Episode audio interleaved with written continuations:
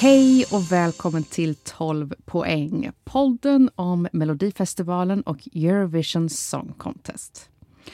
Om du, precis som jag, tillhör det utdöende släktet Eurovision-fantast så är det här podden för dig. Du har sedan länge städat bort glittret och fjädrarna från försommarens spektakel hemma i tv-soffan. I dina spellistor ligger låtar från 2023 års Eurovision-upplaga som håller dig sällskap under pendlandet till och från jobb eller skola. Du räknar ner helgerna till att årets största musikfestival börjar turnera genom landet i början av februari igen. Du är, pardon my pun, euforisk över att Loreen, denna naturkraft till människa och artist, tog hem segern till Sverige och att vi ännu en gång kommer att visa Europa och världen hur en riktig Eurovision ska se ut i Malmö i maj 2024. Eller så är du inte det. Du är kanske helt jävla förbannad över jurysystemet som gjorde att finska Kärje inte stod någon chans mot Loreen i finalen trots att han fick överlägset fler tittarröster och trots att arenan skanderade cha cha cha tills de blev hesa. Oavsett, du har nog åsikter. Och du är, precis som jag, nyfiken på allt som har med Melodifestivalen och Eurovision Song Contest att göra. Mitt namn är Karin Björklund och jag älskar Melodifestivalen. Det enda jag älskar mer än Melodifestivalen är Eurovision Song Contest. Det här är världens största musiktävling och världens längsta tv-produktionsföljetong. I den här podden kommer vi att göra nedslag i historien. Vi kommer prata kuppar och fusk, kläder, historia bakom några av musikhistoriens största hits. Ni kommer att få analyser om hur Melodifestivalen fungerar och inte fungerar. Och längs vägen kommer vi att plocka fram mer eller mindre kända pärlor ur Melodifestivalens repertoar för att hylla och hedra. Melodifestivalen och Eurovision Song Contest är ett mediehistoriskt och kultur och idéhistoriskt spektakel. Och det är dags att vi diskuterar det som sådant. Så i detta avsnitt, vårt första avsnitt, tar vi det från början. Hur Eurovision blev Eurovision. Och då måste vi tillbaka i tiden. Till ett Europa som firar en lycklig dag. Den första lyckliga och hoppfulla dagen på väldigt länge. Här sammanträffar stridsvagnsåkande ryssar med soldater ur brittiska sjätte luftburna divisionen. Därmed var Tyskland kluvet mitt i tur. Armégruppernas ledare, marskalkarna Rakasovski och Montgomery, delar med sina soldater det första mödes sötme. Folk drog i stora skaror ut på gatorna, där glädjeyttringarna antog rent sydländska former. Våra bilder visar Kungsgatan, där mängder av papper och serpentiner regnade ner över folkhavet. Alla lediga bilar hade mobiliserats och drog fram genom gatorna fullastade med norska, danska och svenska ungdomar, vilka hurrade och skreko av hjärtans lust. Bilderna från fredsfirandet på Kungsgatan i Stockholm är klassiska tv-historiska klipp. Det är glädje på gatorna. Nazityskland har fallit. Andra världskriget har tagit slut. Det är fred och äntligen kunde Europa öppna upp igen. Gränserna kunde öppnas för resor, handel och utbyte. Utvecklingen kunde äntligen fortsätta framåt efter att ha tvingats fokusera all innovation på krigsmaskineri och försvar. Stora delar av Europa låg i ruiner. Och i rasen från kriget skulle Europa byggas upp igen, både bokstavligt och relationsmässigt. En rad fredsinitiativ sattes in. Fem år efter att kriget tagit slut grundades European Broadcasting Union, förkortat EBU, i hopp om att förena Europa kring en av efterkrigstidens nya stjärnor på den teknologiska himlen. Det vill säga televisionen.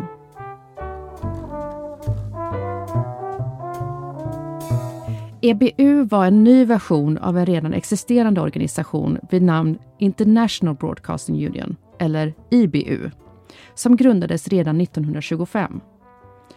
Det var en internationell organisation för utsändare inom radio med syftet att utbilda, informera och underhålla. Det agerade som ett utbytesprogram och samordnare för utsändare i Europa och hjälpte till och assisterade i tekniska frågor, till exempel utsändningsfrekvenser, men även innehåll. Framför allt hade de syftet att främja relationer mellan länder som på 20-talet befann sig i en liknande efterkrigssituation efter första världskriget, som nu alltså inträffade igen 15 år senare när EBU tog över stafettpinnen. EBU grundades 1950 i samma anda som sin förlaga, det vill säga att utbilda, informera och underhålla. Men organisationen var endast för västeuropeiska utsändare. På andra sidan Berlinmuren, i Östeuropa, grundades en egen motsvarighet, OIRT. Efter Berlinmurens fall upplöstes den och långt senare i historien, alltså under 90-talet, så gick medlemmarna istället med i EBU. Från och med 1950 jobbade alltså EBU med utbyte mellan sina medlemsländer. De tog stora teknologiska kliv och var mycket framgångsrika i sina initiativ. De satte till exempel upp en tv-länk mellan Frankrike och Storbritannien. Det gjorde att franska utsändare kunde sända från Frankrike, i det här fallet så var det en festival i Calais, som alltså brittiska tv-tittare kunde ta del av.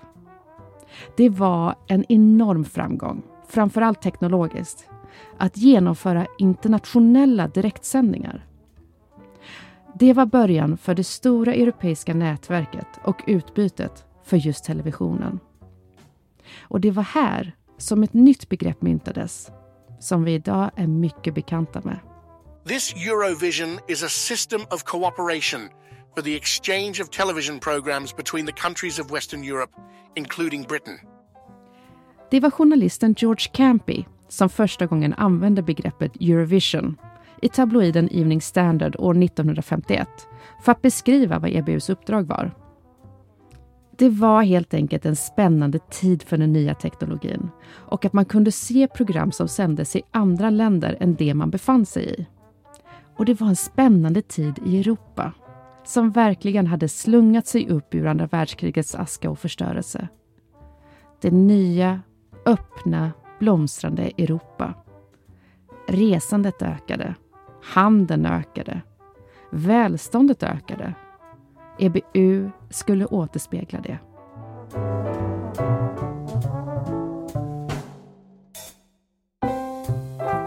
En historisk händelse inträffade där en person stod i centrum. En person som idag blivit symbol för den stora förändring som skett i Europa från andra världskrigets slut fram till idag.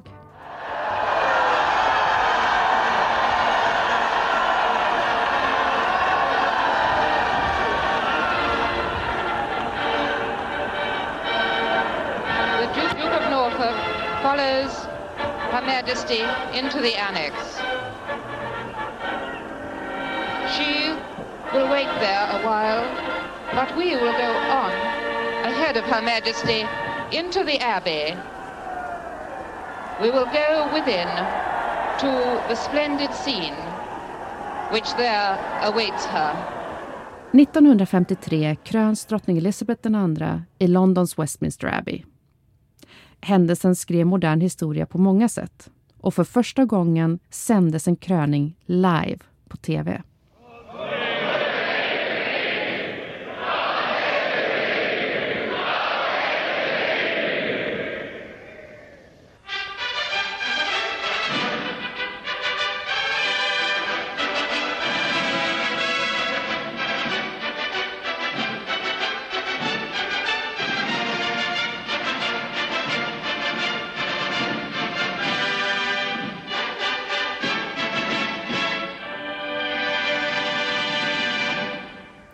Det var tydligen drottningens make, prins Philip, som insisterat att kröningen skulle livesändas då han, likt många andra vid det här laget, hade fattat tycke för det nya mediet. Det finns uppgifter som pekar på att det var första gången fler såg denna händelse på tv än som lyssnade på den på radio. Och kröningen sändes inte heller bara i Storbritannien. Tack vare EBUs teknologiska framsteg så var detta världens första internationella livesändning. Hundratusentals tittare följde händelserna i bland annat Frankrike, Belgien, Nederländerna och Tyskland. Och det var denna händelse som gjorde televisionen folklig för första gången i Europa. Och det var denna tv-händelse som fick EBU att enas om att det var exakt sånt här de skulle syssla med. Att använda teknologin till att ena Europa så att det aldrig mer blir krig.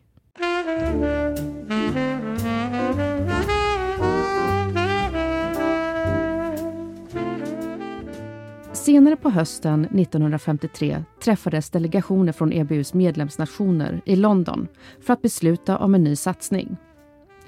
De kom fram till att varje medlemsland skulle bidra med var sitt livesänt tv-program under nästa sommar under en slags maratonsändning som de döpte till European Television Season. Tanken var att programmen skulle sändas i de deltagande länderna samtidigt. Journalisten Marcel Besançon var del av den schweiziska delegationen. Han la fram förslaget att skapa en temporär programkommitté för att leda och genomföra första European Television Season. Han fick kämpa en del för sitt förslag men generalförsamlingen godkände till slut initiativet och gav honom, tillsammans med en representant från brittiska BBC och en från franska RTF, ansvar att basa över programinnehållet och genomförandet av European Television Season. Jag menar, hur svårt kan det vara egentligen? Mycket svårt, skulle det visa sig.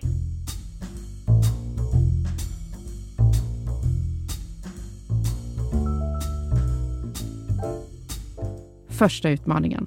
Vilka länder ska vara med under säsongen? Det behöver givetvis vara länder som var medlemmar i EBU.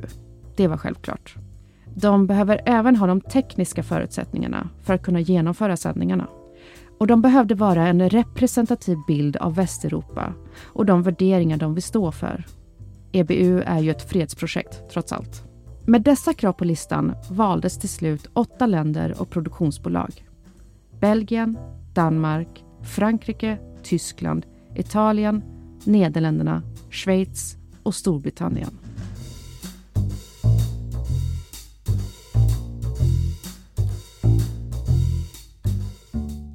Andra utmaningen. Vad tusan ska de visa för något? Vad skulle innehållet vara? För att lösa den uppgiften kallade Marcel Besançon in tv-journalister från varje deltagande land till ett möte i Nederländerna. Där fick de brainstorma fram ämnen och koncept som kunde tänkas dra europeiska tv-tittare till att titta på European Television Season. De kom inte fram till särskilt många. De brittiska tv-journalisternas förslag var helt sonika Another Coronation. Men efter långa diskussioner lyckades programkommittén till slut sätta ihop ett program för innehållet inför sin första säsong som skulle sändas knappt ett halvår senare, i början av juni 1954 och långsamt började planerna inför sändningarna likna någonting. Det absolut svåraste problemet som uppstod var hur överenskommelserna och avtalen skulle se ut med artisterna som skulle delta i sändningarna. BBC hade föreslagit att deras populära revyprogram Café Continental skulle delta för Storbritanniens räkning men när revyartisterna fick reda på att EBU estimerade att tittarantalet skulle landa på 3,5 miljoner tittare så krävde de 50 procent mer i arvode och hänvisade till sina fackliga rättigheter. EBU och Café Continental nådde till slut en kompromiss. Det gjorde de tyvärr inte med den danska delegationen som hade tänkt bidra med sitt program Rendezvous in Copenhagen med artister från Tivoli. När de inte kunde komma överens valde ensemblen i Rendezvous in Copenhagen att dra sig ur sändningen. Och Danmark ersatte dem med en koutställning. tyska tidningen Der Spiegels kommentar om hela debaclet. Tack och lov är kossor inte med i facket.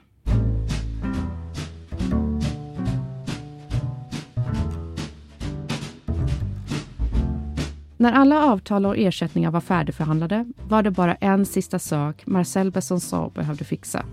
Den sista grädden på moset som skulle göra European Television Season till en tittarsuccé. Fotbolls-VM skulle nämligen äga rum samtidigt i Bern och Besançon var övertygad att om han kunde övertala ordföranden i schweiziska fotbollsförbundet att sälja sändningsrättigheterna för ett mycket förmånligt pris till honom så kunde det här bli en riktig tittarfest. När ordföranden för fotbollsförbundet frågade hur mycket Besançon erbjöd sig att betala svarade Besançon kallt ingenting.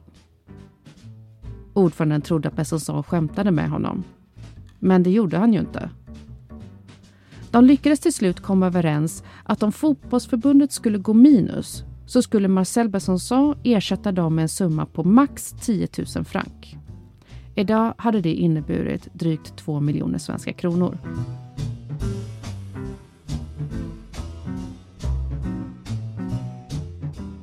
Så med avtalen på plats, utrustning på väg över landsgränserna och ett fotbolls-VM som dragplåster stod Marcel Besançon och kollegor redo för historiens första European Television Season.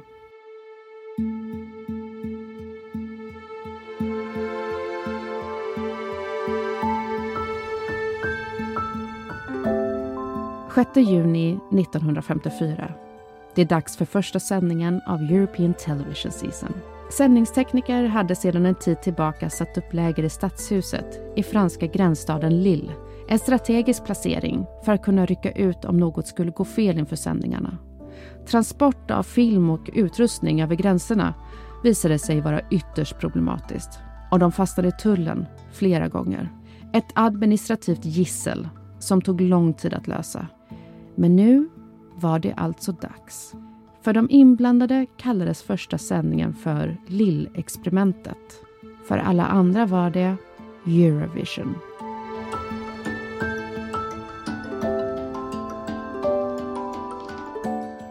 Tre, två, vi är live. The first of the float called Etoile de Montreux, Star of Montreux, and very appropriately the large Narcissi Första sändningen skedde från schweiziska Narcissusfestivalen i Montreux. Över 25 vagnar deltog i en kortege med blommor, artister, joddlare och blåsorkester. Det är svårt att hitta filmupptagningar från den första sändningen.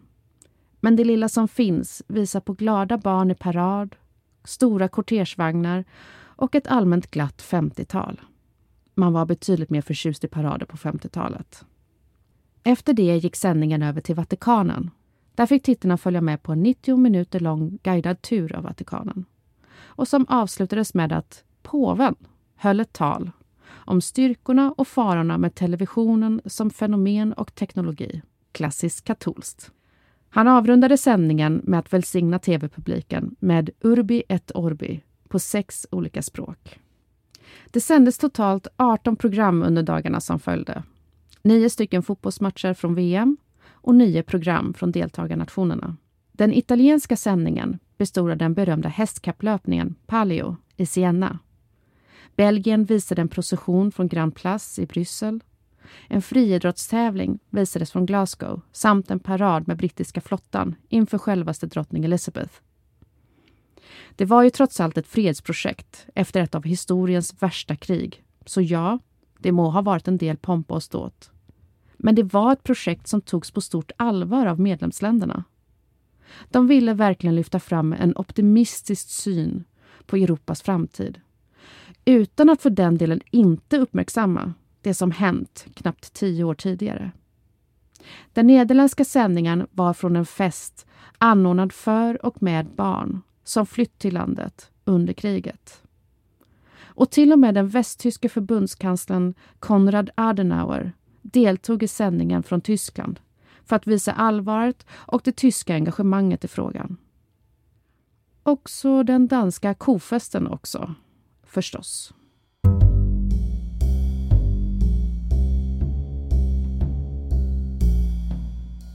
När sändningarna var över utvärderades de av Marcel Besançon och hans två kollegor i programkommittén. Jean Darcy, direktör för franska RTF och René McCall från BBC. De landade i att den första European Television Season var en framgång. Tekniken höll, sändningarna gick bra och tittarna samlades kring tv-apparaterna.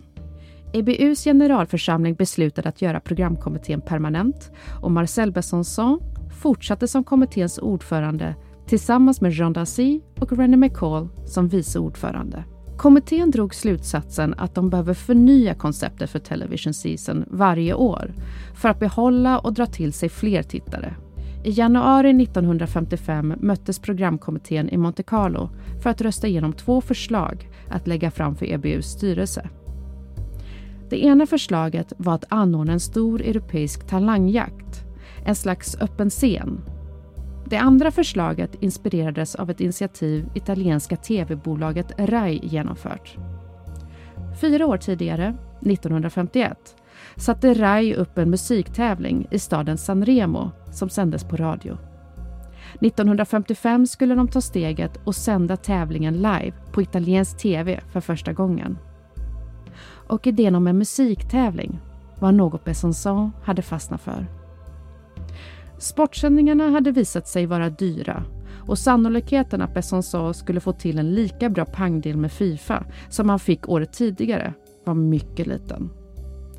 Sport är inte heller lika universellt som underhållning. Alla följer inte fotboll. Alla tycker inte ens om fotboll. Men praktiskt taget alla lyssnar på musik. Och det hade visat sig gå riktigt bra för Festival de San Remo. Så bra faktiskt att den sista kvällen av tävlingen planerades att sändas även i Belgien, Tyskland, Frankrike, Nederländerna och Schweiz. Så varför inte göra något liknande på europeisk nivå? Besançon trodde på idén och de två förslagen lades fram för EBUs styrelse. Beslutet kom i oktober 1955. Anordna en tävling inspirerad av Festival di San Remo där EBUs medlemsnationer kan delta. Förslaget lades fram av den schweiziska delegationen, ledd av Marcel Besançon givetvis. Och då klubbades det även igenom att den första upplagan av tävlingen skulle genomföras i just Schweiz, i Lugano närmare bestämt. Tävlingen döptes till European Grand Prix och kom att heta så i olika varianter ända in på 60-talet. Det var då tävlingen började kallas för det vi alla samlas kring varje år. Eurovision Song Contest. Och så blev det. Datumet för tävlingen bestämdes den 24 maj 1956. De hade drygt ett halvår på sig att förbereda en av de största livesändningarna någonsin. De hade ju klarat av det förut, så hur svårt kunde det vara egentligen? Mycket svårt, skulle det visa sig. Tack för att du lyssnade. Avsnittet är skrivet, redigerat och producerat av Karin Björklund. Det är jag. Du kan följa podden genom att klicka på prenumerera eller följa-knappen på din poddlyssnarplattform. Om du vill ha mer information om avsnittet och podden i sig så kan du följa poddens Instagram, 12p.podd. Där finns mer trivia som inte fick plats i avsnittet och annat kul som jag tycker du ska se och ta del av. Och om du verkligen vill tjäna några extra kakpoäng hos mig så får du hemskt gärna tipsa och dela med dig av podden till andra som kan ta glädje av den. Det skulle verkligen göra mig så tacksam. Det här var historiens första avsnitt av 12 poäng. Podden om Melodifestivalen och Eurovision Song Contest. Tills vi hörs nästa gång, mina vänner.